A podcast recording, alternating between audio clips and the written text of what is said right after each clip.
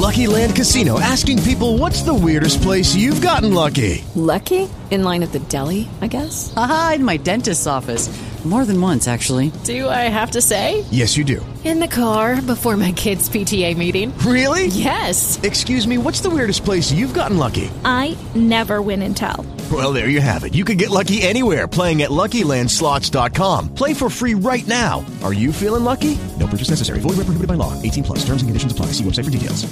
Step into the world of power, loyalty, and luck. I'm gonna make him an offer he can't refuse. With family, cannolis, and spins mean everything. Now, you wanna get mixed up in the family business. Introducing The Godfather at ChumbaCasino.com. Test your luck in the shadowy world of The Godfather slot. Someday, I will call upon you to do a service for me. Play The Godfather now at ChumbaCasino.com. Welcome to the family. VGW Group. No purchase necessary. Void where prohibited by law. See terms and conditions. 18 plus.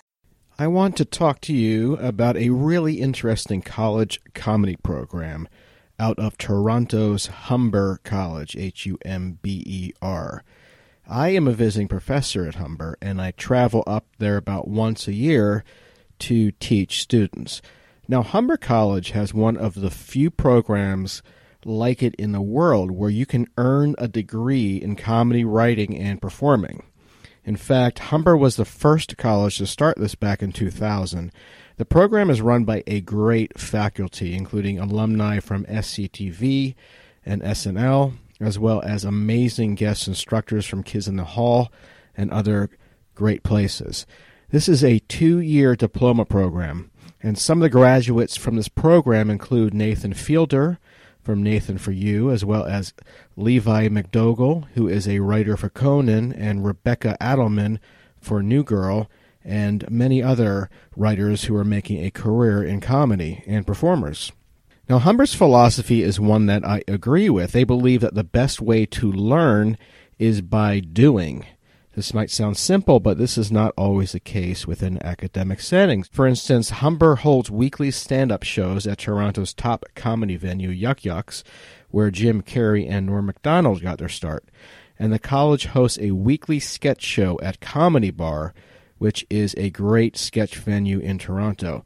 This really is a top flight program run by incredibly nice and talented teachers. All the teachers there have made a living or still make a living as a writer, and that's also rare within an academic environment. And it's why I am associated with it. I just love the people up there and I love the program itself. Now, beyond all of that, it's much cheaper than an American college program.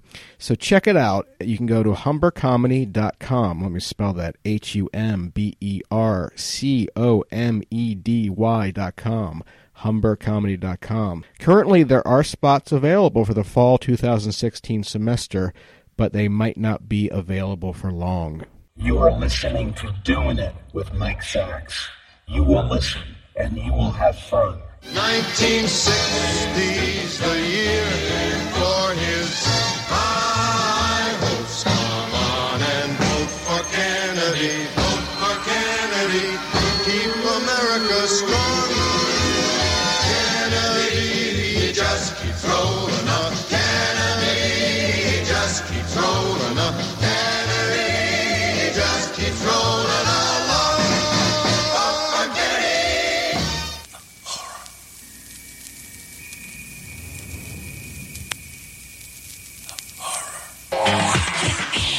Congratulations! By this time, you should have successfully gone through the first four dance steps in Let's Disco, and you're now ready to put them to music. Just to give you an idea of how this record is put together, we've set up the instructions in four sections. The walking steps and four beat turn, the touch steps and the two beat turn, the camel walk and camel walk kick, and finally the triple or syncopated steps. We'll take each of these steps individually, talking you through them slowly at first, then to a normal four beat count, and finally to the music. Be sure to keep the book handy in case you have problems. One additional word of advice. You have to listen closely, or you can easily get behind when listening to this record. If that happens, simply go back to the beginning of the cut and start over.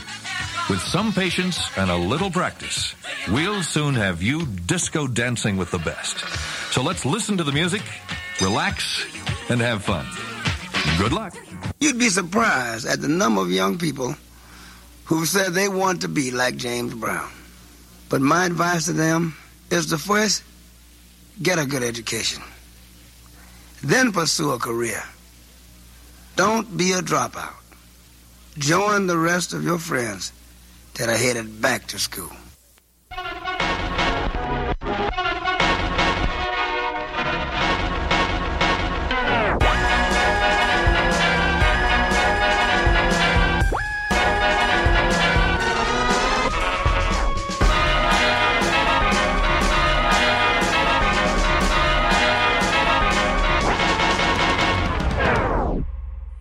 What, what happens here now?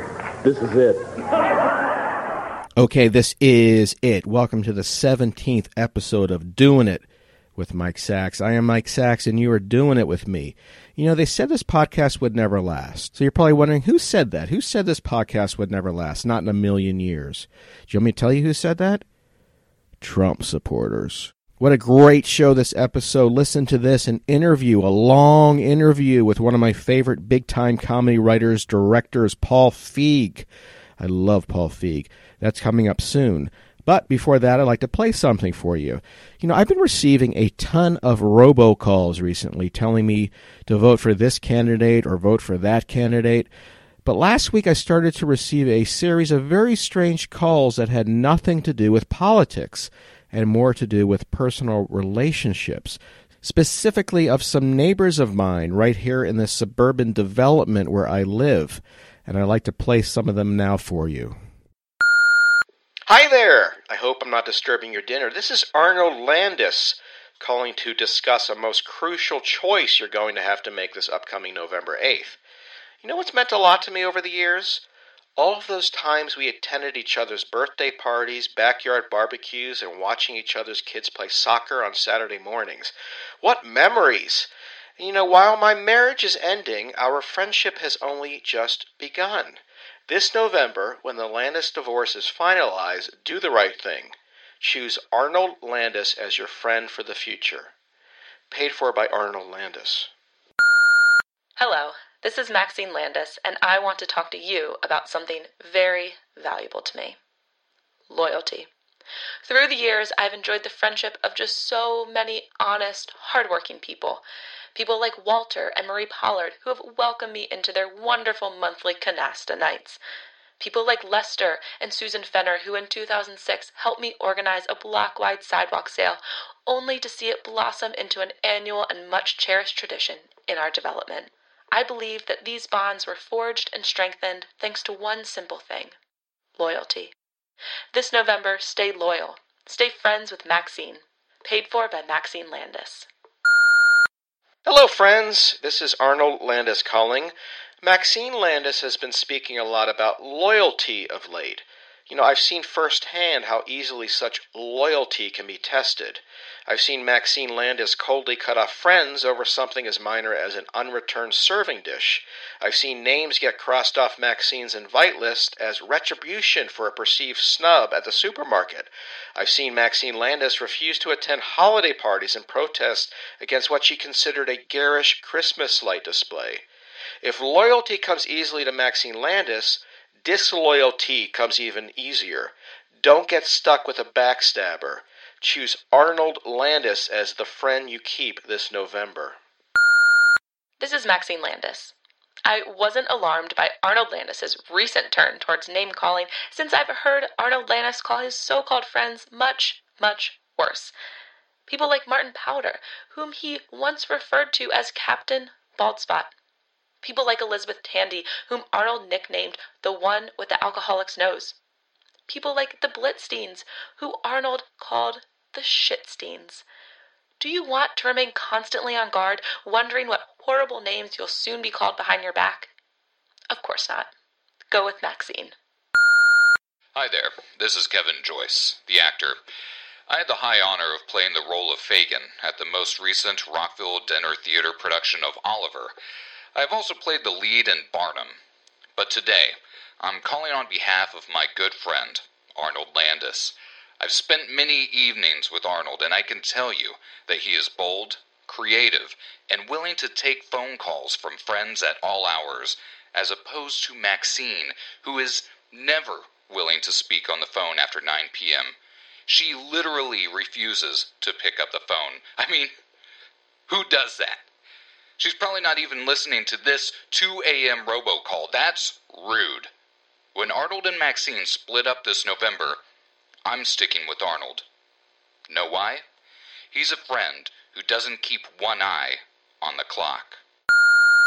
Hello, this is Amanda Joyce, good friend of Maxine Landis and wife of Kevin Joyce. Maxine and I have known each other for years.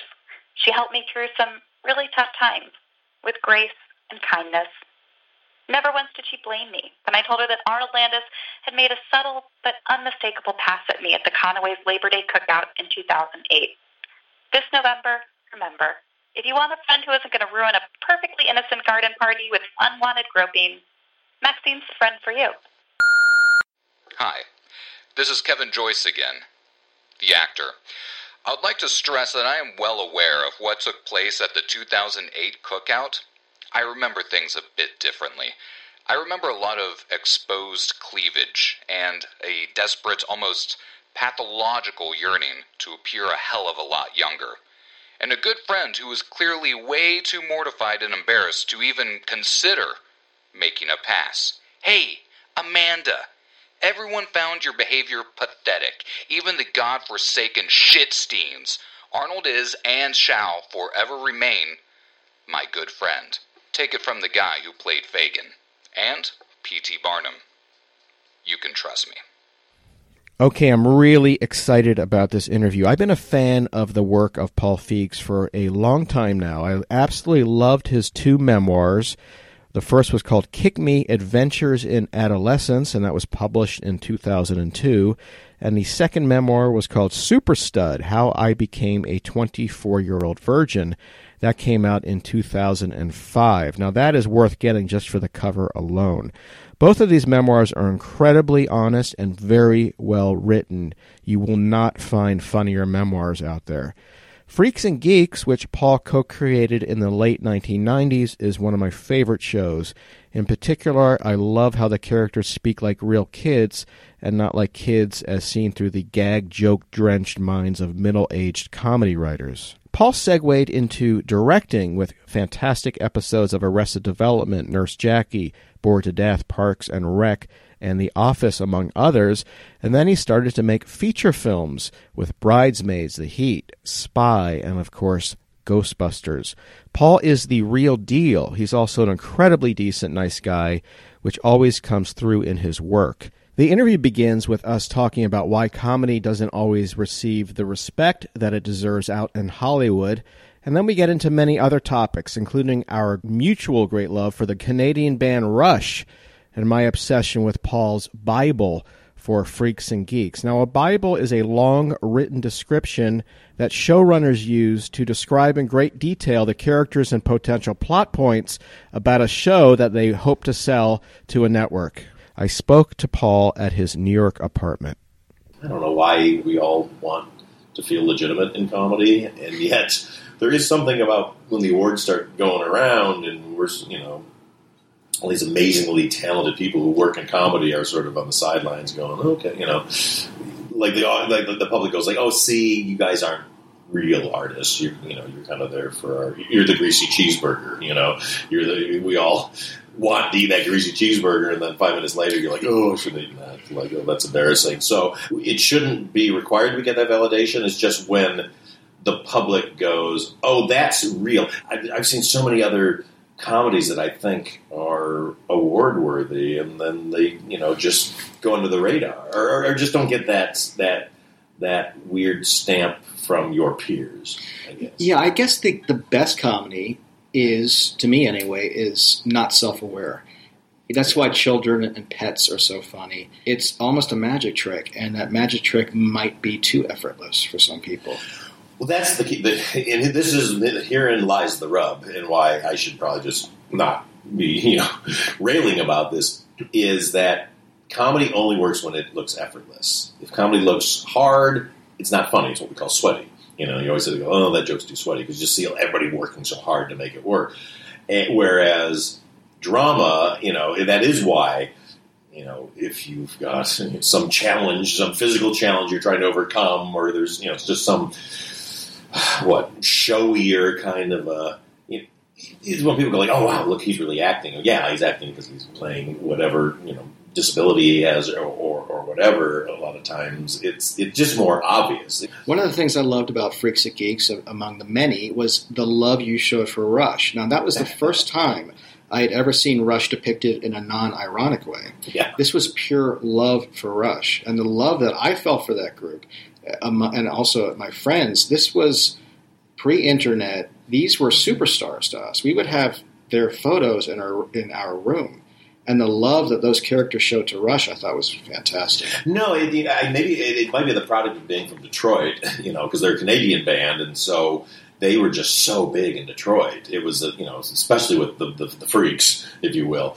Um, and I just I love them because I just love the, the musicality and the, the, the showmanship of the music. I mean, I always weirdly I was always kind of on the fence about about his his voice just because it was very high. It was why it took me a long time to warm up to uh, Led Zeppelin, and now I'm fanatical and always that. But, when I was in school, it was kind of like getting used to sort of that, that higher register that they would sing in, but that you know that, that Robert Plant would sing in. But at the same time, yeah, to, I mean, to me, they were really kind of equivalent groups. You know, I mean, Look, Rush was a little more prog rocky than those guys, but you know, the, the joke was always like when you buy an album and you pull it out and you see like there's you know three inches between the spaces between the tracks. You're like, oh no, it's one of those albums that there's only like four songs and they're all super long.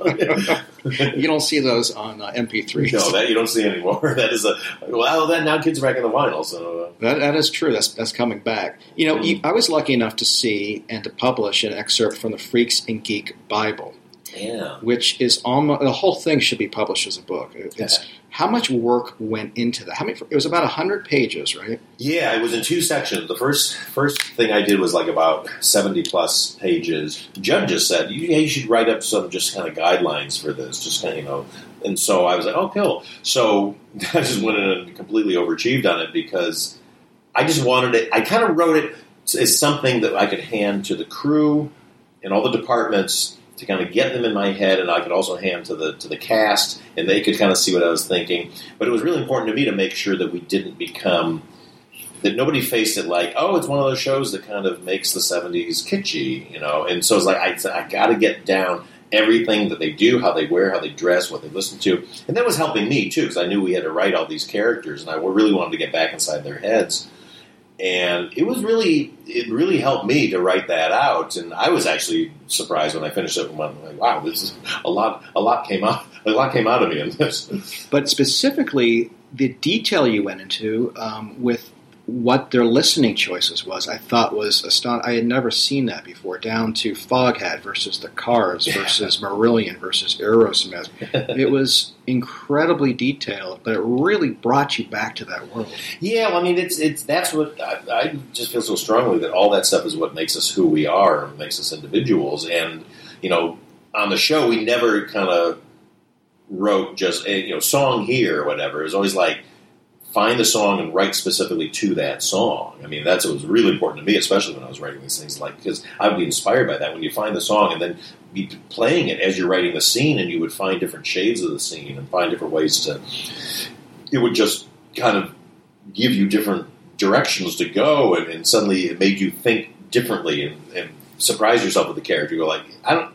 It's something I don't know. There's something to me. Music is so tied up with writing that I when I'm writing, if I can find specific songs to write scenes to, or that I'm working towards, or sometimes even just like, oh, this would work here, and I'll you know just put in you know music comes on. Sometimes I can put it on like this is the music that can underscore this scene because it moves it in a different way, and, and it and it gets you out of recycling what you've seen before. I think more because it makes you start to think like yourself because you yourself process the world around you differently. And when you're just writing and going like, okay, well, all right, so this happens. Now, what would happen next? Your first default setting, I find, at least for me, is sometimes to go, oh, well, I've seen this before, so here's what would happen. And you always have to challenge yourself and go, wait a minute, am I saying that was what would happen next because that's what I've seen happen a bunch in these situations. Versus if you take yourself into your own comfort zone and they're playing songs you love from the past, or you're playing a song that you respond to, somehow it gets your brain working on a second level because you're thinking outside of just being a writer and you are becoming yourself in that situation or you're becoming the part of yourself that is in the characters you're writing in that situation because you're being affected by something from the outside. I don't know if that makes any sense. It does, absolutely. I think the best writing comes out of a sort of mysterious zone, and any way you can get into that zone is is a great thing. And, and the fact that you can do it through music that could then end up affecting the scene both figuratively as you're writing it and literally in the movie or TV show, I think is an amazing thing. Yeah, especially the, what it does is it, it, it, it brings the emotion of the scene back into it because um, it's not necessarily you're going to listen to a song and go like, oh, I'm thinking a bunch of jokes, but you will suddenly, I don't know, music makes you feel emotion. Um, Especially at that age of the freaks and geeks character. Oh my god, totally! It's everything. I mean, it's like that's it's so fun to see, you know, young people. If I may sound like an old man, you know how passionate everybody gets about their music, and we still do as we get older. But you're never as passionate about bands and stuff as when you're young, and it's because it becomes this weird soundtrack to what you're thinking. And you know, think of all the times you just you know sit around you want to cry or you just get so emotional or so happy or whatever by the song you put on and how it just can it affect it can affect your mood. And, and you know I get sad because I actually don't kind of just in my day to day life don't just put on music because I also get very distracted by music because it's all I can kind of focus on when when it's on. And either I'm going to use it as a tool to put myself in the head of the character and where they are or I'm going to, as a musician or a trained you know, trained musician, guy who learned music and did it, I can't help but focus in on the nuance of it, the instrumentation, and hearing the so- sounds of it, unless I know I'm going to use it for inspiration for the scene. Say the greatest song to teach you how to write a movie is um, Peter Frampton's live version of "Do You Feel Like We Do." Wow! Tell me why. I'm, I'm a fan of that album. Tell me why specifically that. That is a perfectly structured movie. That song. It's in three acts. it's got the first act, which is the song, which is great. It sets up the whole thing. Second act is all the solos, and then going into the voice box. You know, where he's call and response with the audience, and you're, you know, so you're they have the highs and the lows, but it's pacing itself out, but it's biding its time, and you're learning kind of new information, let's say, about the song and about him and about the what you're feeling, and then when he goes into that final solo, that's the third act, and then suddenly it's big and it's high, and the audience is in a frenzy because you've become he's been holding you back through the second act. That song always took me out of myself, but when you watch the concert, it was shot during the day. It hmm. was an outdoor concert during the day, so when you oh. watch it, it takes you out of the magic of that song. See, I've never seen. Is it actually the they filmed the actual song that's on the album?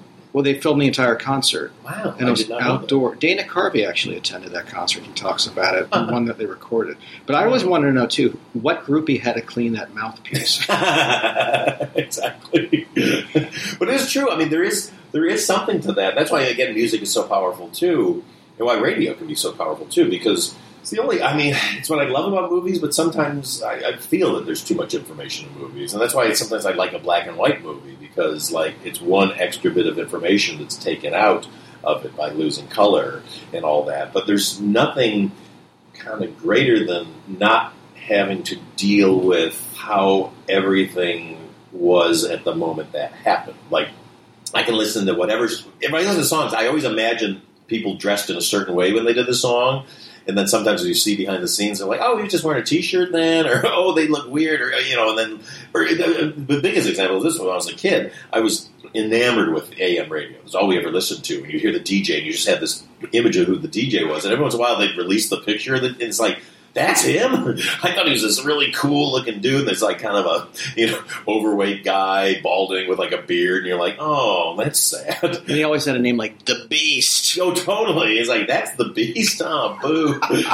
That's the Dreamweaver. That's not the exactly. And yeah, well, how powerful to you know be able to have that. You know, and that, that's the thing with the internet. Now we, we just know you get so much information on stuff that it's it's kind of a bummer. Like I don't want to know all that. The magic that I had for certain people in comedy, whether it was Albert Brooks, Steve Martin, Woody Allen. There was a mystery to them. Mm-hmm. And I wonder if some of that mystery has been sucked out because of just what you're talking about. Too much information, too much stimuli. Yeah, the mystery's gone out of everything. And I don't want to sound like you know somebody's grandpa, but it used to be you had to like wait. Here, here, it's just like the. Remember listening to the radio before there was iPods and all that stuff. You know, and even when you're traveling, let's even say you had like a cassette player or an eight track. You, you bring your music with you. You had to sit through it. I mean, the greatest example is just the radio. Remember, I remember just listening to the radio like. Oh please! I hope they play this song. I can't wait. I can't and even like, try to call the station. Like, can I request this song? And just waiting. So you had to kind of wait for stuff. But then when you got it, the payoff was so euphoric because like we got it. Oh my god, it came on, and we're so excited. Whereas now you can have anything, and, and I don't think that's necessarily terrible because there's nothing greater than kind of be able to summon up what you want. But at the same time, you lose a bit of that. I don't know, having to earn it. Yeah, and there was a collective spirit too. I remember once calling up the radio station and requesting Itchycoo Park by the Small Faces, and then they played that, and it, I almost got chills when they played it because I was responsible for everyone out there hearing that song. It's so true. It's so true. But the fragmentation you see now, and not just music but in comedy, everything is so fragmented. Yeah. Which is good. You can find what you want down to the, the barest detail. But that collective enjoyment, I think, I wonder if that even exists anymore. Well, it's again, it's like it's like we all, you know, our natural state. We want we want. We want it now.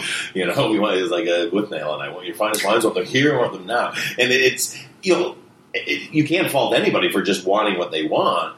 But at the same time, when we were forced to kind of wait and not know, look, it, the biggest bugaboo for me is the fact that as a film director now, we can't we can't surprise people with anything, or, or it's very hard to surprise people with stuff because everything leaks out. I mean, you know, we were just doing Ghostbusters, this last movie. You know, it's the first time I've done a movie where people would be so focused on, you know, it knew about it, and so obviously wanted to know what was going on, what we were doing, and, and just knowing that okay, the minute we get out on the street filming anywhere, everybody's going to see everything. So I'm just going to have to go and release pictures of it because if I don't, there's going to be a million cell phone pictures of stuff, you know, and then and then stuff is leaking out because people want to get the script and they, they get that out and then somebody you know through the hack somebody got you know the, an, an outline of, of the movie. And so they put it out or they, they write what's in there. And even if they say spoiler which people don't do mu- as much as they should anymore people don't warn you that there's spoilers and stuff especially like newspaper articles and all that. Because like oh it's on the internet now. It's like no no it, this is not supposed to be out there. And all it does is make it so you can't have that pure experience that we had pre-internet you know when i saw E.T. the only thing I know E.T. was it was a new movie from Steven Spielberg, and I saw a poster with a weird hand on it, and that's all I knew. And so we sat down and had this, the most mind blowing, amazing experience of like I didn't know what to expect, and stuff's happening. And you're like, well, oh, oh my god, I don't know, I didn't know that was going to happen. I know that was going to happen, and you just it's almost impossible to have that. It, it forces you to write to write movies differently now because you also go well, this is going to get. They're just. They're just this is people will know this from the trailer. You know, so, and the, the standard thing you do is can you set something up in the first act, and then here's the surprise that twists it around or takes it in the new direction at the end of the first act. That thing that happens at the end of the first act is going to be front and center in the trailer. So you either go, well, let's just hope people are having such a good time, you know, in the first act that they know it's coming, but they're excited when it happens, versus how nice it would be to just be able to have people come and sit down and go, I don't know what's going to happen. I have no idea what's about to, I'm about to see, and be affected by it. Yeah, it was good and bad. I mean, I would see movies that are horrendous that I didn't know anything about, but then I would go see a Raiders of the Lost Ark, which changed my life. I mean, you and I have the exact same experience because that, that was the most formative thing that ever happened to me was seeing Raiders because I saw it opening morning. Again, we knew it was Spielberg was involved, and we knew George Lucas was involved, and we knew Harrison Ford, who we liked. And I saw some cool looking poster, and I don't remember. I don't remember I saw a trailer for it, to be quite honest. And so I sat there. It was the first screening of it, ten o'clock in the morning, Mann's Chinese, with a full audience, and people lost their mind. With that, now we've seen it a bazillion times. The boulder rolling down that first sequence. No one had ever seen that before. No one knew that existed. I've never seen an audience they people jumped out of their seat. They were up like literally like screaming, and to have that kind of experience, whereas now, you know, it'd be all over the trailers, you'd see it on the internet, there'd be some behind the scenes of the boulder rolling and all that before it comes out, then you'd be like, oh yeah, there it is, oh that's cool. But that just sheer surprise, people having what storytellers want you to have. You don't want to know what's coming next. We want to surprise you. you That's really interesting. Yeah, and even when it comes to comedy, I saw the original Ghostbusters the day it came out, Mhm. and the jokes we did not hear at school, we did not see on the internet. I hate, going back to the internet. I'm now I sound like an old fogey too, but it made a difference in the experience. Now, if if you were to see that movie now or any movie now, you oftentimes hear the best jokes, the best scenes, Mm-hmm. the best pieces of dialogue beforehand, and I think that does sap something out of it. It totally does. And the other problem, I had the exact same thing. I saw it that opening night too, and we were just completely blown away. Again, didn't know anything about it. But what happens, and this is why marketing comedy is so hard, and I especially have problems with my movies because tonally, you hit, everything's in context. Every funny joke is comes from context. And what happens now is, you know, when you the studio will go, the marketing department will go, and it's not their fault. They just it's just not their bread and butter is not comedy. Go to the test screening. There are certain moments that just destroy. You got your big moment. This joke always kills. This scene always kills. This that. They go, well, those are the funniest things. Let's put them all in the trailer.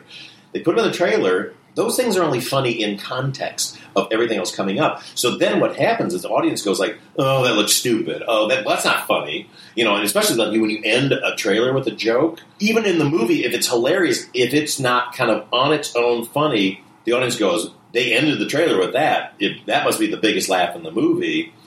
and it just it's not the same. It just doesn't work because you don't have a context. Versus the studio, and you know, and if they if you're lucky enough, they let you into the marketing process. If they can invent jokes, the juxtaposition jokes are what make a movie trailer funny. Nobody wants to make comedy look cool. They want it to make it look goofy.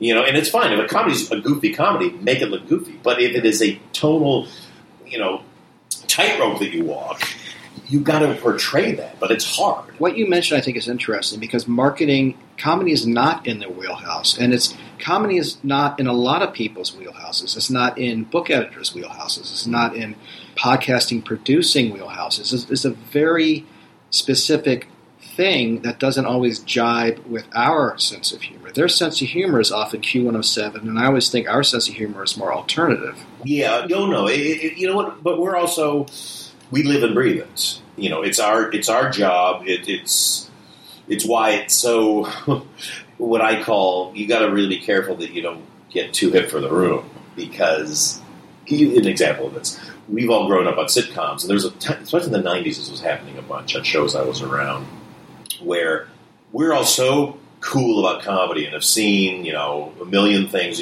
that we all go like, oh, that's hacky. That's we've seen that a million times, you know, and down to an example like you know every sitcom had the trapped in the freezer episode where the cast would somehow get trapped in a freezer, and that was the wackiness, and it just became such a cliche.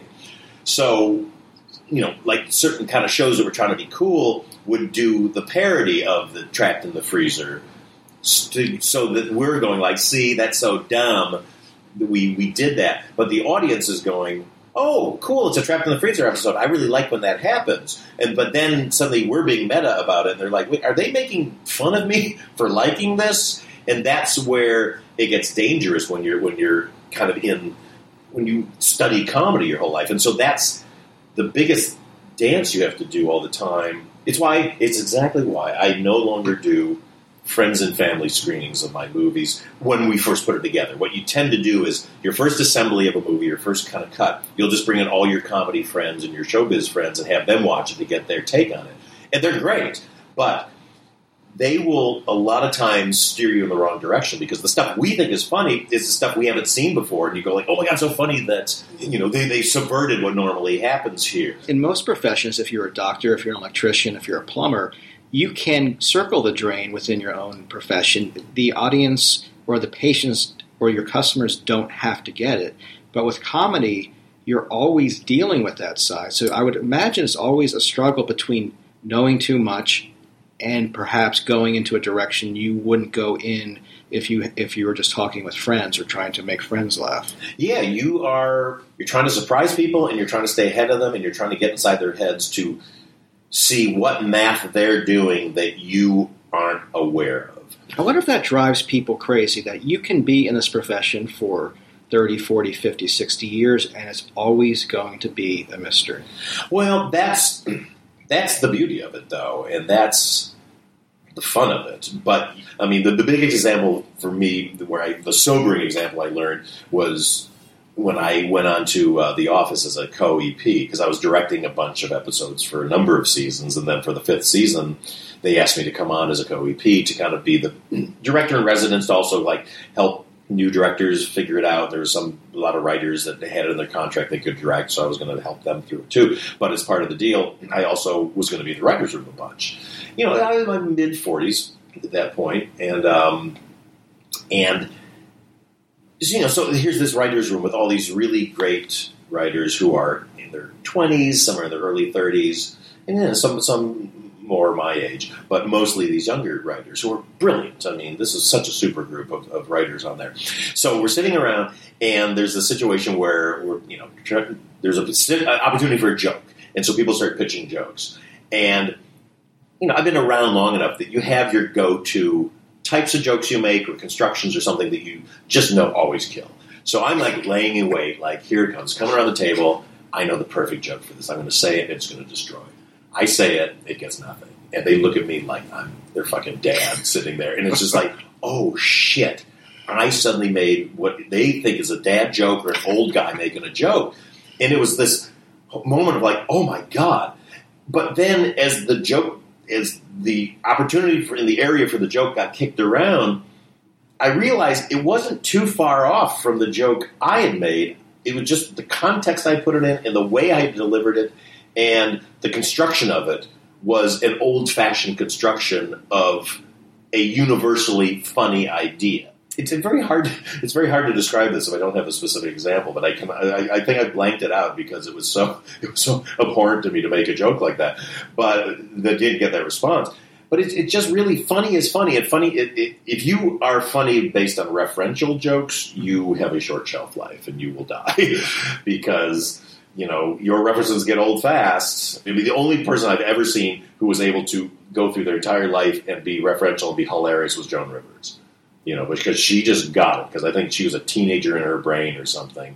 And you know, I'm sure there's other people who can can do it too, but it's dangerous. You really got to talk about the human condition because that's where all comedy comes from. Makes it timeless. We may come from the last generation in which we told jokes. Yeah, I grew up where my father would tell a joke, and it could last four to five minutes, Mm-hmm. and it all hinged on the uh, punchline. Yeah. And we would do that in junior high school and high school, usually mimicking Steve Martin, or uh, Woody Allen. I don't know if that's done anymore, and it's not a bad thing necessarily, but it does seem like a throwback. I 100% agree with you. My dad was the same way. He he was obsessed with jokes. He used to go to the nightclubs when he was, you know, a young man, and he would write down. He at the MC. I always write the jokes the MC told because that was the guy, you know, running the show. And that was the effective, effective comedian. But he had this love, and he could tell a joke like, I mean, I'm sure your dad was the same way. They could just spin it out, and you just be kind of waiting and waiting. But it's true. Jokes like are a drag. I mean, now eh, not always the case if something's a super dirty joke or whatever, but you feel people like, all right, get there, get to the punchline, get the because it, we just don't have the patience for jokes anymore because they are so set up. And there's also a visceral feeling of uncomfortable, where before, if someone bombed, it would be okay. Well, at least he told a joke. Now there's people are looking around, and you start to sweat. There seems to be less of patience for, for listening to someone tell a joke. Joke very much so because also it's somebody taking the spotlight, you know, and you're like, okay, and I mean, oh god, we have somebody we know who who is an actor also, and, and uh, who is one of these people just like all right, I've got a story. And it like it's like, all right, everybody, attention, I'm going to tell a story. But it's then very measured and the pauses, and everybody's around the table is just like, oh my god, fucking finish the story. I don't, and and also it's too much pressure on the punchline. Yes. because that better be the fucking funniest punchline you've ever heard in your life. Because if not, then people are just like, God damn it, you made me sit here silently while you spooled this thing out. and it's pressure on you because you almost become an actor in, in the in the experience. Because if you don't laugh at the right time, then you look like an idiot.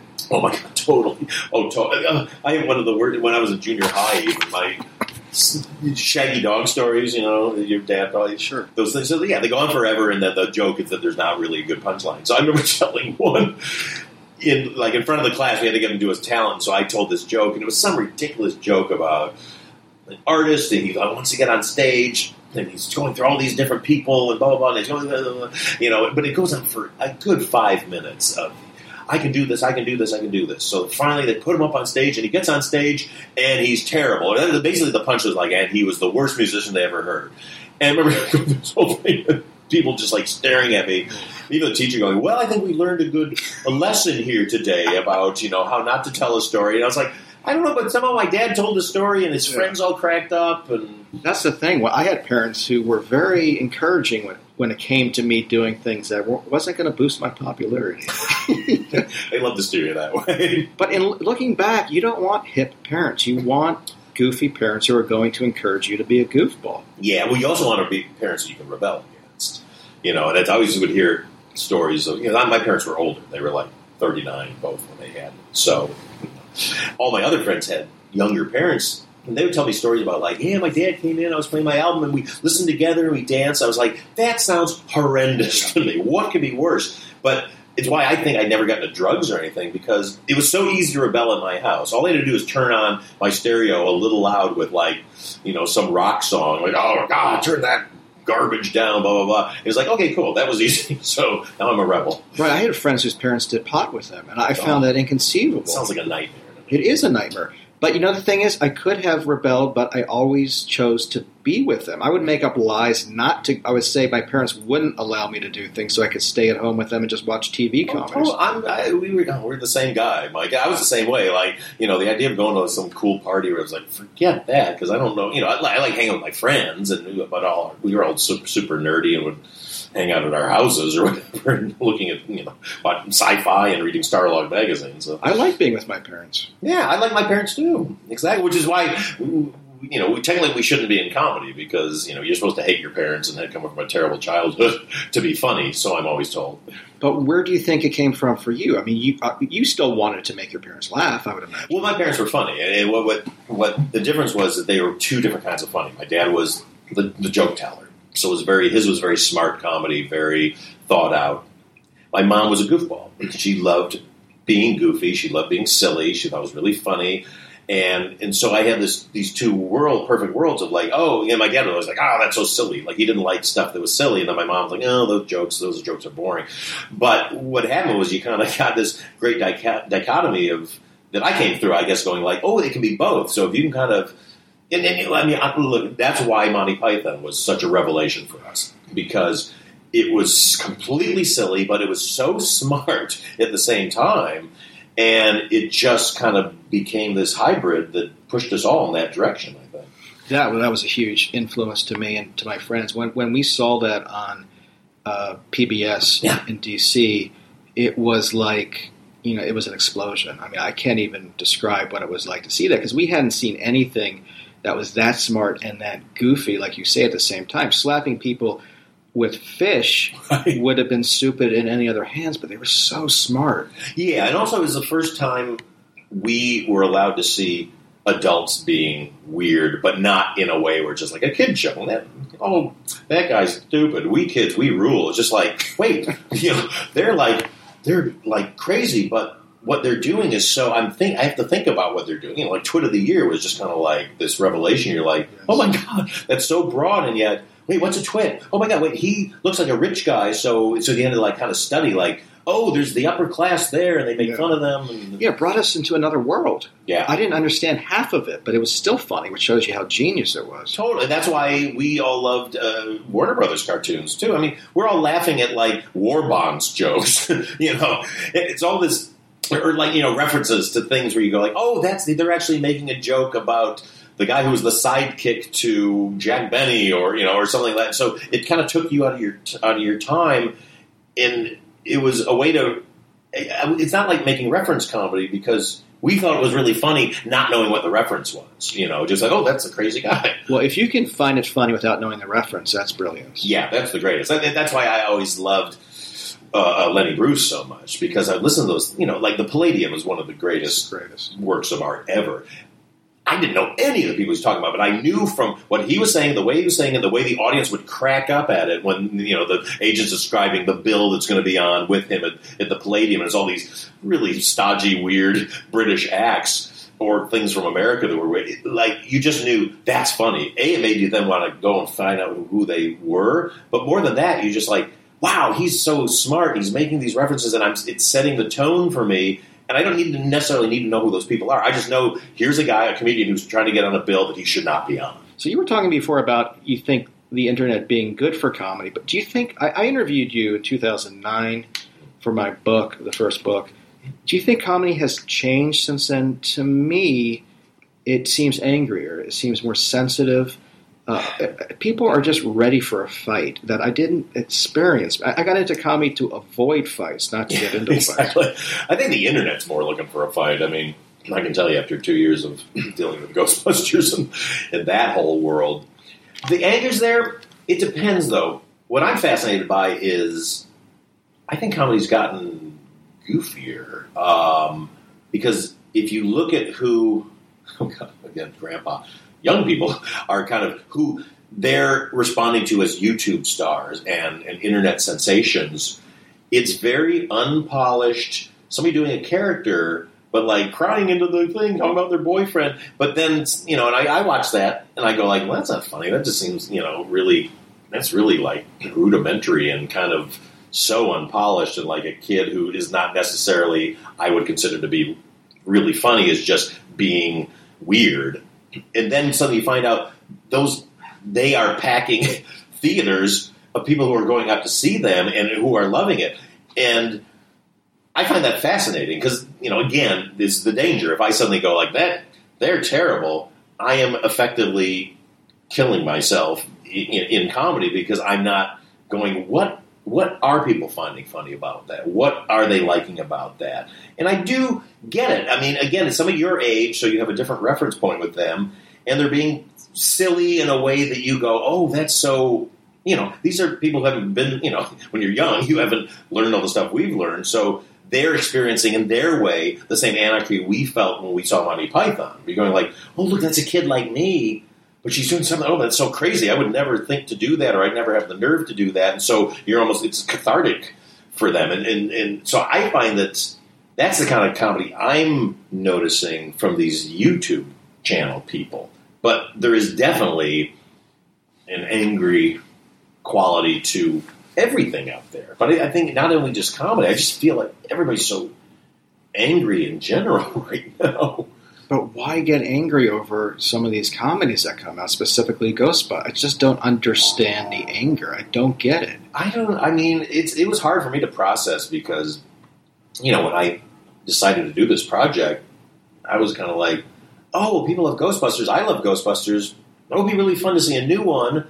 And I thought, like, oh, I should make should I make it a sequel? It was like, well, I know Bill doesn't want to do it, and, and Harold's gone, and so it would just be Dan and Ernie, and I like them, but at that point you go like maybe it'd be more fun to reboot it and like give a new Ghostbusters to a new generation and kind of see the origin story again. And, and oh, and I know all these really funny women. This would be really fun to put them in this. And that was it. And then uh, then you go like I think people would really kind of find that fun. And that was it. and so then when it turned and people were so angry, look, I get it. I get part of it.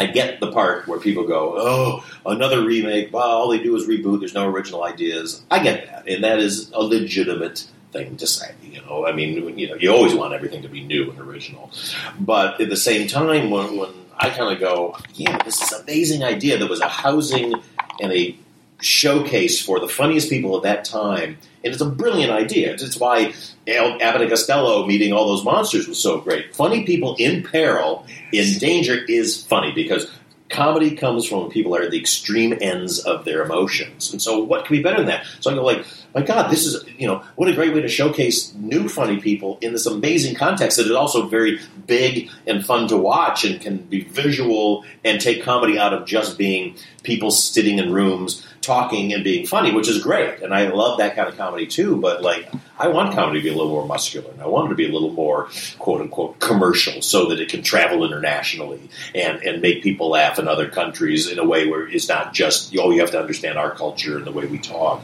You know, so that and then suddenly, you know, the, the, everything broke open and people were, were pissed. Um, you know, I, I get part of it, but I, I'm just so surprised by it too.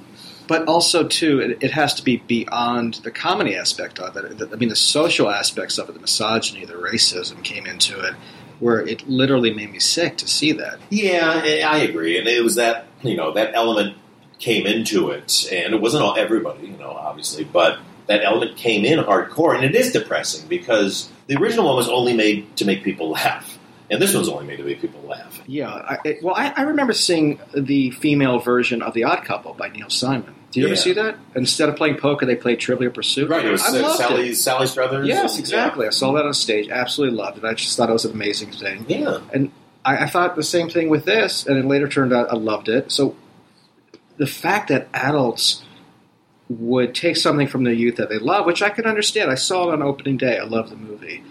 But then to take their adult hatreds and their anger and to focus it on such a, a product that, that should be, bring joy, Yeah, the power was, was directed in the wrong direction, I thought. yeah, I, I, I, I, you know, I feel that too. I mean, again, I, I never want to get down on people for, you know, who have just like a legitimate gripe of like, uh, why are they doing this? That's fine. A legitimate gripe. You don't like it. Listen, I don't like a lot of things. Yeah. If they want to get out, if, if they want to reach someone and say, I don't like it, I don't really understand that. I, I'd rather keep it personal.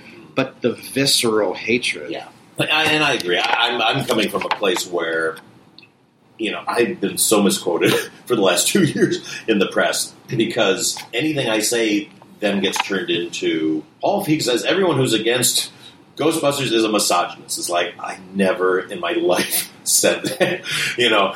But that's where that anger. People are just so ready to for a fight, and then you got the, the media who want to turn everything into something provocative. Um, and it's just it just gets it does wear you down because you know you go like we're just trying to entertain you. I swear, you know. And then and my favorite is always when people go, "It's just a cash grab." It's like, guys, I hate to tell you this. Everything you see, everything that's ever been produced is a cash grab. It's the only reason they make it. We're not state funded. You know, things have to make money. Right, this isn't a Kremlin run operation. You look at any magazine, any book, any piece of music, it's there to make people happy, but also to make money. This isn't a charity out Right. there. if you're a commercial artist, you have to go. The people funding this want this to make money. I want this to be successful. I want this to entertain people. I want people to be happy. I want people to think this is great. Now, as the artist, the commercial artist, I need to go, how do I service both of these things? And that's the line you got to walk. Because if I just go like, screw them, I'm going to do what I want, and I don't even think this is commercial, but I want, you know, or even if I go, I think people are going to think this is really funny, but this is really risky. That's I still have to go, but I got to protect their interest because if I don't and it doesn't make money, they're not going to let me do it again. But also, I want this to reach as big an audience as possible. I spent, you know, it takes just as long to make a little indie film that nobody sees as it does to make a giant commercial film in general. You know, and I made a movie called Life Sold Separately that I paid for out of my own pocket, and it ate up a year of my life. I couldn't get it distributed. I couldn't get into film festivals just because it was too small. It was a year that a million independent films came out, and so I sat on that thing. Then I made a movie called I Am David. That's I oh, all this great money- movie. Oh, thanks. I really so like that movie. I, I, I'm very proud of it. You It's a know, very, very drama. good movie. It's, Very good. It, it's a sweet little drama, but you know, I put so much work into that, and it just didn't get out there. And it was devastating to me. And then I made a movie called Unaccompanied Minors that was with a studio. And look, we had our we had problems with that. I'm not. I don't think it's the you know. I, I, it's not my greatest film, but at the same time, we were dealing with a studio that in the middle of it switched it up, and that head of the studio suddenly decided he didn't want to be about divorced parents, and so we it so became a kind of more of a romp. But the bottom line is, you get to the end of these things, and you haven't, and nobody, and people don't see it. It's so devastating because you feel like you wasted your time, and sometimes you go like, "Oh, if I had just." Thought a little more. Uh, I hate to say the word commercially, but I thought a little more about the audience. Maybe things would have came out different. Come out different. I, I don't know. I mean, I look at a movie. You know, again, look at I Am David. I don't know what I would have done different in that movie, other than I might not have made it because this was the sobering moment. you know, because it's it's, it, it's this book that everyone knows that kids, school kids for a long time knew in Europe. It was required reading in Europe. It's about a kid who grows up in a communist labor camp and escapes and has to work his way across, you know, Europe looking for something.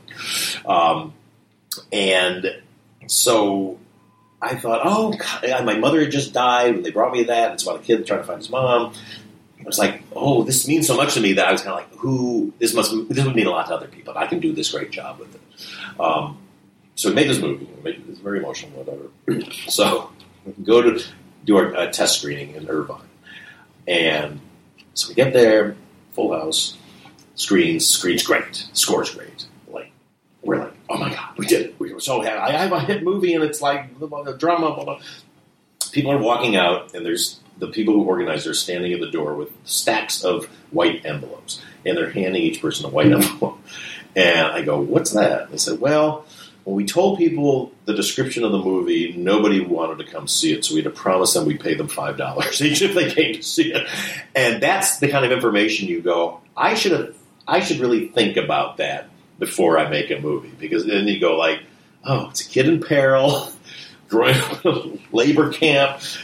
It's it's not funny, you know. And again, this is very broad talking because you know movies that win awards and people love are challenging all the time. But at the same time, I'm a comedy guy. Nobody knows me for that. I was known for Freaks and Geeks, if anything, and obviously that had its own thing. But that was not. but as an artist, sometimes it's necessary for you to go through something like that, right? It, Oh, yeah. it could have been your um, Rubber Soul, which led to your Abbey Road. You know, it. Mm-hmm. From a personal standpoint, I would imagine that it's something that you shouldn't regret, or you would ever look back and saying, "I shouldn't have done that. I should have done, have done this," because you are where you are from what you have done and accomplished, whether it was a commercial success or not. Yeah, no, it's true. I just I think I just resent the three years that went of my life that went into that. It coming off of a show that was, say, well remembered. I it, was. Look, I didn't go right into that. The first thing I went into was a deal with. I had this a, a follow up show that I came up with called Ludlow Residence, which was about when I grew up. I grew up next to a family of eight kids, and they were my best friends. So I kind of wrote a show about them, kind of like a modern day Brady Bunch with you know, much, which a more realistic band like the way we did Freaks and Geeks, and that was at a time coming out of Freaks and Geeks. Everybody wanted my voice. Everybody wanted my voice, and so this there was a bidding war for this this project, and then eventually went to Fox, and it was a put pilot and all that, and then suddenly they didn't want my voice, and suddenly they were trying to get me to change things in it to make it much less of my voice. You know, the, the whole thing about it was it was about this family, you know, and the, the oldest kid, the whole main story was that he got a full ride scholarship to MIT, which I don't know what it was. But, uh, you know, he was this brilliant kid, but it was, you know, every, season took place over the summer. Uh, it was like all took place summer vacation season.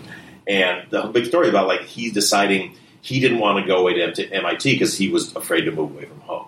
And he, because I went through that. Like I got USC Film School, and suddenly I was terrified. And I went. I actually came back because I was going to go and stay for the whole summer, and then came back because I was like, I wasn't. Pre- I wasn't mentally prepared to break those ties and, and go into full on adulthood. And so I thought, oh, let's do that.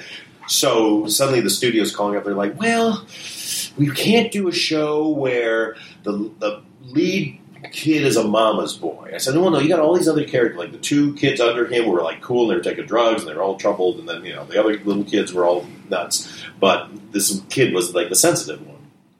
And I'm like, why can't he be? My, you just can't do a show where the oldest kid's a mama's boy. And so then they call me one day and they go, um, okay, here, he, instead of him being afraid to go away to college, not want to leave his family, what if he's working in his dad's store and there's this like thirty inner thirties hot divorcee, and he's sleeping with her, and so you know he's having sex for the first time with this you know amazing woman, and so he doesn't want to leave that. And I'm just like, guys, that what in my oeuvre would make you ever think I would do some write a story like that? You know, uh, coming Freaks and Geeks, you know. The only people having sex on Freaks and Geeks were, were Daniel and Kim because they were the mature couple. Even Lindsay broke up. You know, she was afraid of it. She broke up with Nick because because of it. And I just didn't. Every teen show was about sex, so it was just like so. You know, it fell apart because I wouldn't make the changes they wanted. And so then from there, I went into the movie because I thought that was the right thing to do. See, that, that would drive you mad too to be in a position where your success is contingent on someone who just doesn't get it. Yeah, and that's that's working in the studio commercial space, uh, and that's where you gotta. Know, that's where creative differences come in. The best comedies in the past were executive free or, or not too heavily reliant on executives. Yeah, they have it under the radar. I mean, you know, we've talked about this before years ago about The Simpsons. You know, I mean, Sam Simon, who I got to meet, who was so great. You know, he said, "When you did The Simpsons, that was a little offshoot from the Tracey Ullman show. They were off. I think they were either in New York or uh, they they weren't in the same city as the network, and they just kicked out these thirteen episodes with no oversight, really whatsoever. And you know, here comes this amazing thing. You know, and I think that's that's why I, it's, it's great that the TV world has changed. When I did Freaks and Geeks, I wrote that pilot as a as a spec script. This was the days you never did. It was so unheard of that I had done that weirdly because people just weren't really doing that. Because the way you made money is you pitch a show, pitch an idea, you make the deal, and then you develop it with the network so you can make money along the way. What you don't do is, you know, generally didn't do was, and I'm sure other people wrote specs, but it was just very not the way people did it back then. It was to just like I'm going to write it and then let's see if somebody will buy it because they almost didn't they didn't want that they wanted to be part of development. It was almost like why why do we want to come into something we didn't have any say in?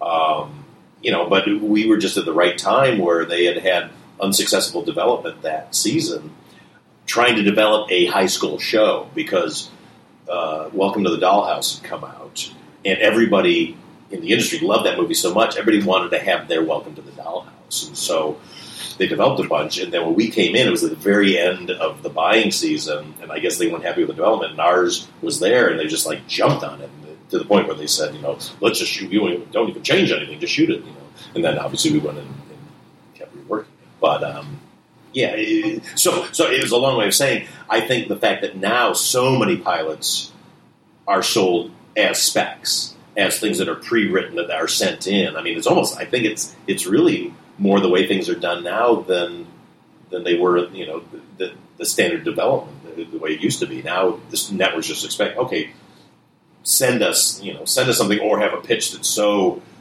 so completely thought out. You know, versus like I don't know, something about you know, these people in a candy store or whatever. It's a lot of work for something that is a very good chance will not happen. Yeah, but I think you have to. I, I think you know, writers, you can't be precious anymore. You know, I've always in the past have known people who write a script, a movie script, and they shop it around forever, and then I'll run into them five years later. Like, hey, what's going on? They go, well, I got interest in that script. It's like, have you written another script, or are you just like walking around with that script? Like, keep writing because it's the one you don't think is going to be anything is the one that pops out of nowhere. I, I, I, had I was just writing script after script, you know, trying to get movies made, and they were going nowhere. And it was just the fact that one day, uh, watching my friend uh, you know, Matt Reeves, is you know the he did Felicity, and watching the first one of that that he did with JJ, and going like, oh, the hour format, that's really fun. I've always wanted to write something about when I was in high school. Maybe I'll just write an hour.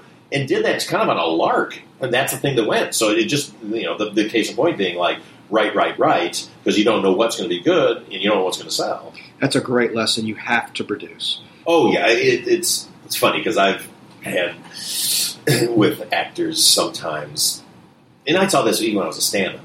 There's this feeling, and there was a feeling for a while, especially that people who are successful kind of didn't care. and they were just sort of cool about it. So I would see certain comedians be like, "I'm not doing that. I'm not, you know, that's too, you know, selling out." And blah, blah, blah.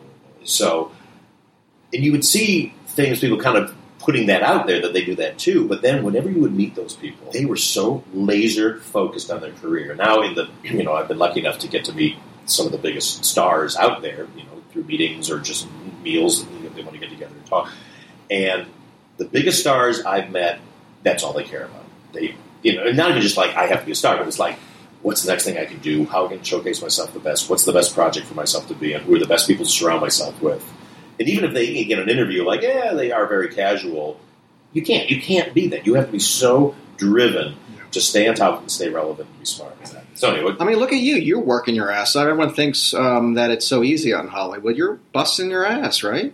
Oh my god, that's all I think about. I don't. I, I chose not to have children because I'm so dedicated. Honestly, I, I would whenever I hear you know hear like one of my favorite stars or, or pers- people in showbiz were, were they were retiring to spend more time with their family. I was like, why would you ever do that? What are you going to sit around and play games with your kids? That's it. I mean, it's like to have the honor to be in this business, to be doing what you love. I was like, that's all I care about. That's all I want to do. And so, yeah, I mean, that's all I think about to the point of sometimes you're like, can't I just enjoy stuff and not, you know, because you have to force yourself to so you get that outside stimulus and get inspiration because the last thing you want to be doing is thinking about showbiz so much that you're not open to the world around you because then you're just going to start thinking in terms of what have I seen in other movies or what have I, you know, Yeah, got to get out of your head. And it becomes all references. But there does have to be a hunger. I mean, at this point, you could probably ref- uh, afford to go off to the Caribbean for a couple months and just relax. You're not choosing to do that. No, and I kind of wish I had. I mean, we took like as soon as, as we finally got Ghostbusters out in theaters, we took a three week vacation, which felt so decadent. But I remember thinking like I should. I think I might need to take a couple months off. Like I'm really burned out. But was like no, no, no, and came back, and I've been writing and stuff. But I could just tell I'm. I, I it's taking me a while to get back to 100. percent I feel like I'm just coming back to 100 percent now. But yeah, you really should. But it's just that feeling of not wanting to take your foot off the accelerator.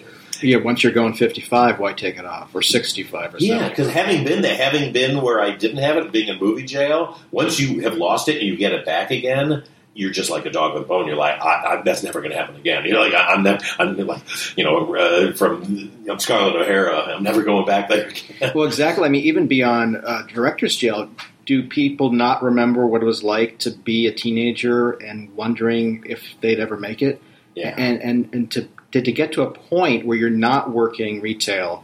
I I kind of wonder too why people don't appreciate where they are more too. all I can speak for is myself, but you work so hard to get there. Once you get there, get close to there, what drives you more than anything is the fear that you're going to fuck up and lose it. Mm. And so sometimes you almost don't want to do something because you're like, oh God, like I'm okay right now. If this isn't right, then they're going to pull the rug out from under. They're going to take it away. But then, you know, that's what drives you forward because you want to do the next thing. And the danger is to get too cautious and the danger is to overthink stuff. But at the same time, you can't help it. And sometimes you do need to, you know, you have to be hard on stuff. Uh, you know, what I've always wanted to avoid is, you know, I've got, like, I got a drawer full of, of scripts that are passion projects and stuff I love, but they're small. And I've seen a lot of directors, like, finally get their big hit and then they immediately go and do the passion projects. Like, no, no you got to get a, you got to stack up a few of those. You know, look, I, I wish Ghostbusters had, had done better at the box office, but you know, it still still did okay. But you know, so I've had kind of four movies in a row that have you know have done done well. So it's you're like, well, now is now when I can do the passion project, but I don't even know if I want to do the passion projects anymore. I, you know, to be honest, because I'm having fun entertaining, trying to entertain big groups of people. It's just, it's satisfying.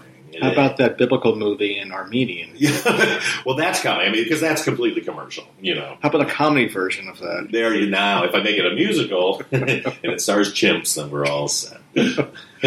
So you once mentioned uh, the character of Lindsay that you love so much from Freaks and Geeks that you were thinking of possibly creating a show about her as an adult. Has that ever been broached recently? No, that was something. Yeah, it was something I was kind of hot on right afterwards, and then I don't know. I, I'm so afraid to touch anything that was Freaks and Geeks anymore because I feel like we just kind of got it right, you know. And there's always something so scary about back tainting something, you know. And I guess that's why I shouldn't be mad at guys when they were on me about like thanks for ruining my childhood about redoing Ghostbusters because I guess you technically can. I don't. I, I don't know if I buy you can taint it or not. I just think you can only taint what you've already done. Well, yeah, certainly if you created it, you right? Because then, then it's just like, oh, he's lost it. Versus if somebody else does it, you're like, I don't know, whatever. Like if somebody bought the rights to Freaks and Geeks and made a new one, I'd be like, yeah, cool, go ahead. And Oh, you would be okay with that? I wouldn't mind. I mean, I, yeah, I, I, I'm not that. Well, good luck trying to do it as well as the first time. Nah, well, see, there you go. Yeah, yeah, go ahead and see what you can do. No, I, I, it's so hard. You don't want to be precious about stuff. You just want to get what you did right. You know, so all, all through the Ghostbusters thing, the guys who were pissed at me would always go, yeah, how'd you feel if they made groomsmen? It's like, that'd be great. I got no problem with that because mine exists. I mean, if they went and erased every copy of my movie, sure, I'd be I'd be very sad. But I go like, well, yeah, mine's over here, and you know, there's a new one, and God bless. Go yeah. for it. Look, look, the worst thing that can happen is suddenly the new one is so great that everybody goes like, yeah, yours wasn't so good. And I guess that's kind of scary, but at the same time, I you know, I'm happy with what we did, and all I can do is say like, look, we did what we wanted. Two of your books are some of my favorite memoirs uh, Kick Me and Superstud. Uh, if you don't have these books, buy them. They're fantastic. Uh, the trilogy you once talked about, the first was about school, the second dating. How about a work memoir? Well, it, it's- very ironic you bring this up, Mike, because I was actually just on a plane yesterday flying back from from London and was suddenly going like, I should write that book. And so went into my things, and it is it, it's it's definitely a work memoir. And I have a lot of funny stories. I started for it already. I was really having fun kind of reading through them. I guess the biggest thing for me is, you know, any book company now would kind of want the dirt, and it's like I can't get. Not that I have, I don't. It's not that I have dirt on people. It's just I have enough stories of people behaving oddly or in a weird way. Well, how about just being a decent person who's done very well in Hollywood? How does one do that? You know, how does one achieve what you've achieved? That to me is more interesting than dirt. I guess. I guess I'm just always looking for what's funny. At one point, I thought I wanted to write a book about working in the industry called "How to Sleep with Yourself." you know, basically, because you like because there's so many ways you can kind of try to make it, but it's like, are you going to feel good about yourself when you've done it?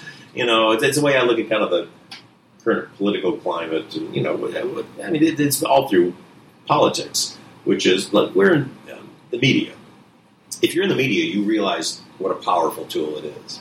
And you can make a segment of people believe anything. You say, if you outright lie, you will get people to just believe that. And so when you see in the political climate certain strategists or whatever come in and just use the power of the media in a very, like, dishonest way and, rally, and, and get people all riled up, all, that's why all of us in showbiz get crazy when that kind of thing happens because we're like, no, no, you're not allowed to do that. We we could all do that, but we know that's really dangerous to tell lies or to sell stuff and to you know as as the truth that's really trump trumped up. Oh God, I, I, I did not mean to say that because I mean it's, it's been happening before that, but um, but yeah, it's just that it's it's the, it's so powerful what we do in what the media that we go through. I should say that you have to be responsible and you have to be able to feel good about yourself at the end of the day. I never even thought about it that way. Everyone talks about the left leftists in Hollywood. What you just said makes a lot of sense. You, you can you can smell the shit more clearly. Yeah, we just see it's so easy to manipulate a segment of people. You know, a certain groups. Of. I, I didn't say like they are they are a you know. There's one group of people that it just no matter what you say, somebody will believe it. You know, if I suddenly started a religion and said like you know my kitchen sink is God, I bet I could if I if I was convincing enough, I get I could I could get a few people to believe that. You know, but you don't do that because you don't want to do that, and you shouldn't do that. So I just think you need to be responsible. But it's the same thing. It's why you know I like doing movies with women because. And this even wasn't even like you know people trying to be evil or whatever. It just it's the way people, especially in comedy, were thinking for a long time. It became such a boys' club that these funny women would get put in stuff, but okay, but you're going to play the bitchy girlfriend. You're going to not be funny. You're just going to be the foil, or you're going to, you know, be the thing that motivates our guys to be funny. And then that image of women gets out there with the audience and with guys in the audience and young guys in the audience, and then they're like, "Oh yeah, the girls suck. You know, it's you know, your wife is terrible because she doesn't let you have fun with your friends, and your girlfriend's a drag."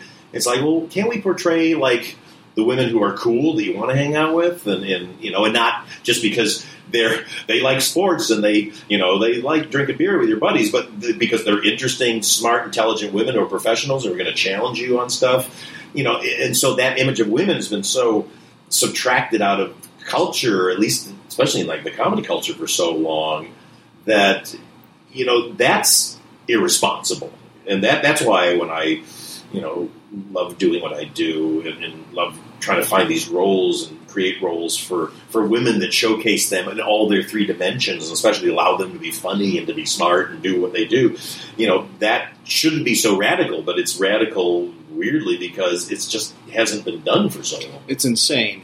I mean, what you've gone through with Ghostbusters is one thing, but keep this in mind. My daughter is seven; she'll be watching that movie as well as other young uh, girls, uh, and who will eventually get into comedy. It's going to be a huge movie for the future for those who grew up uh, liking comedy in 20 years. I think it's going to be a big influence as well as your other movies. So I think for that alone, it's worth it. Well, thank, well, I appreciate that, Mike. I mean, honestly, in the, the middle of all all the craziness and you know and angst and getting vilified by certain certain parts of of the internet and stuff, I do feel like I'm on the right side of history with this, and everybody I work with is because you know I met a, a woman in her twenties just the other day who loved the movie, and she was going on and on. And she said, "Yeah," and then just like two nights ago, I, I finally saw the original.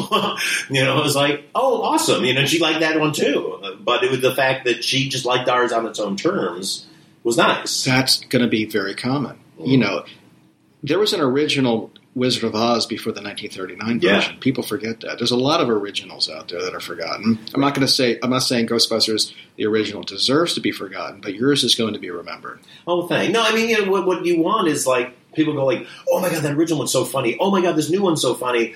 For different way, and they're not in competition. They're all just part of the same world. Look, the, group- the most supportive people I meet are the ghost heads. Are the people that wear the costumes, have these groups all over the country, all over the world, who use it for charity work. They are so supportive of what we did just because they love the world and they love that they love Ghostbusters and they love that idea. And to them, it's like this is cool. This brings this to a new generation. We've got the old one, and like as parents, we can say to kids like, "Oh, if you like this one, you should see the original one." And then say, "This is why I like this and that." And it's a way to let something keep going. And I know some people are saying like, "Well, it should have been a sequel." I don't know. It, it kids look at anything as being old. You know, so you go like, "Oh, that's an old movie," which is just horrifying for us, and I think it confronts all of us with our mortality because you're like, "Wait a minute, how dare you?" It's like, "Oh, I guess I am 30 years older than I was when I saw that." You just gotta, you know, it's nice to let a new generation have their own thing. That's just it. I don't think the new generation was was the one complaining. It was all the middle aged. yeah, uh, sadly, I know, but it was also, you know, I mean, it was uh, it was a big movie for guys. That film, you know, and a lot of guys younger than me. I'm like, I was 21, I think, when I saw it. Uh, I guess. We were in film school, maybe, yeah, right around there.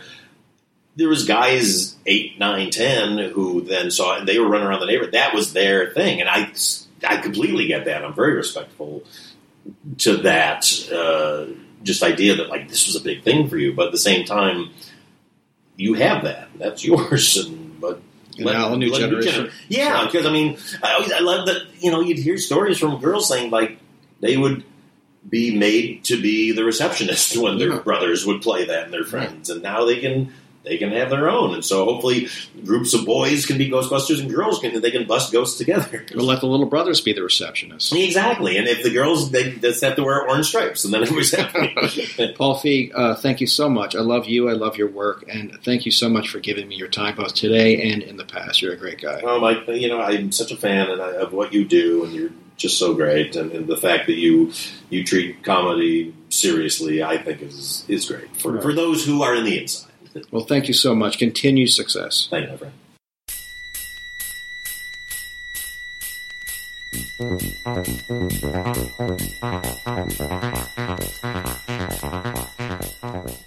That's it for this 424th episode of Doing It with Mike Sacks. Here are some highlights from upcoming podcasts.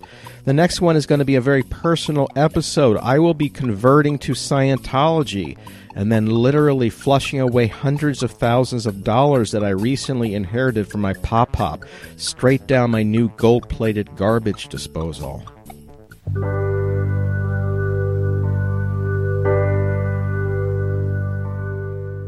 I appreciate you joining us. I really do. I look forward to seeing you all next week, especially you, the one who fucked up by going to law school instead of heading out to LA to write for shit my father says. A few shout outs Paul Feig for sitting down and talking with me. Go see Ghostbusters and all of his movies, including his first movie, I Am David, which is really underrated. Great movie. I'd like to thank Tyler Wall, Brian Haddell, Ian Goldstein, Courtney Soliday, Andrea Salenzi, Avery Edison, and Ben Hating for donating to our Patreon page. This was the reward they chose. I love you all. Bob Powers for co writing the robocall piece with me. You can reach Bob at his Twitter feed at Bob Powers One, and that's the numeral one. I'd like to thank Andrea Salenzi, Allison Behringer, and Graham High for performing the voices for the robocall piece. Thank you very much. You can reach Allison at A L B T W E E T I N on Twitter, and you should also check out her great podcast, The Intern. I'd like to thank Ian Goldstein for his help. You can reach Ian at his email, Ian Scott Goldstein at gmail.com or on his Twitter page at Ian Goldstein Yes. Ira Gawanter, I'd like to thank very much for paying for a personal haiku for the next year. Each episode is going to feature a personal haiku. Here is this week's Ira. Ira Gawanter. Ira Gawanter. Ira Gawanter. Ira. I'd like to thank Sam Peach for his marketing and artistic skills. You can see Sam's incredible illustration work on Instagram and Twitter at O Death Creative. Let me spell that for you. Just a letter O Death Creative. You can also see his work on Facebook and Tumblr under O Death Creative. Again, just the letter O. As always, I'd like to thank Rob Schulte for doing everything producing, editing, wrangling. You can reach Rob at robkschulte.com. His podcast is hilarious. Check it out. Pumpkin Spice Podcast. You can find that on iTunes. You can reach me at mikesacks.com or at doingitwithmikesacks.com or on Twitter at doingitpod. So listen, until next time, I do think you know what to do. I'm just hearing silence. Do you know what to do? Anyone? Keep your feet on the floor and keep doing it. This week's bloopers. The interview begins with us talking about why comedy doesn't always receive the respect that it deserves out in Hollywood.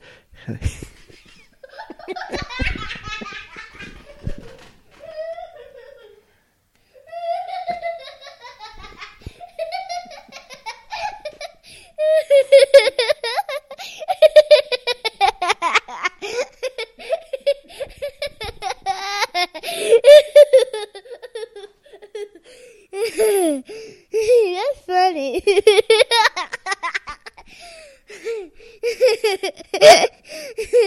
what are you doing? That's really funny.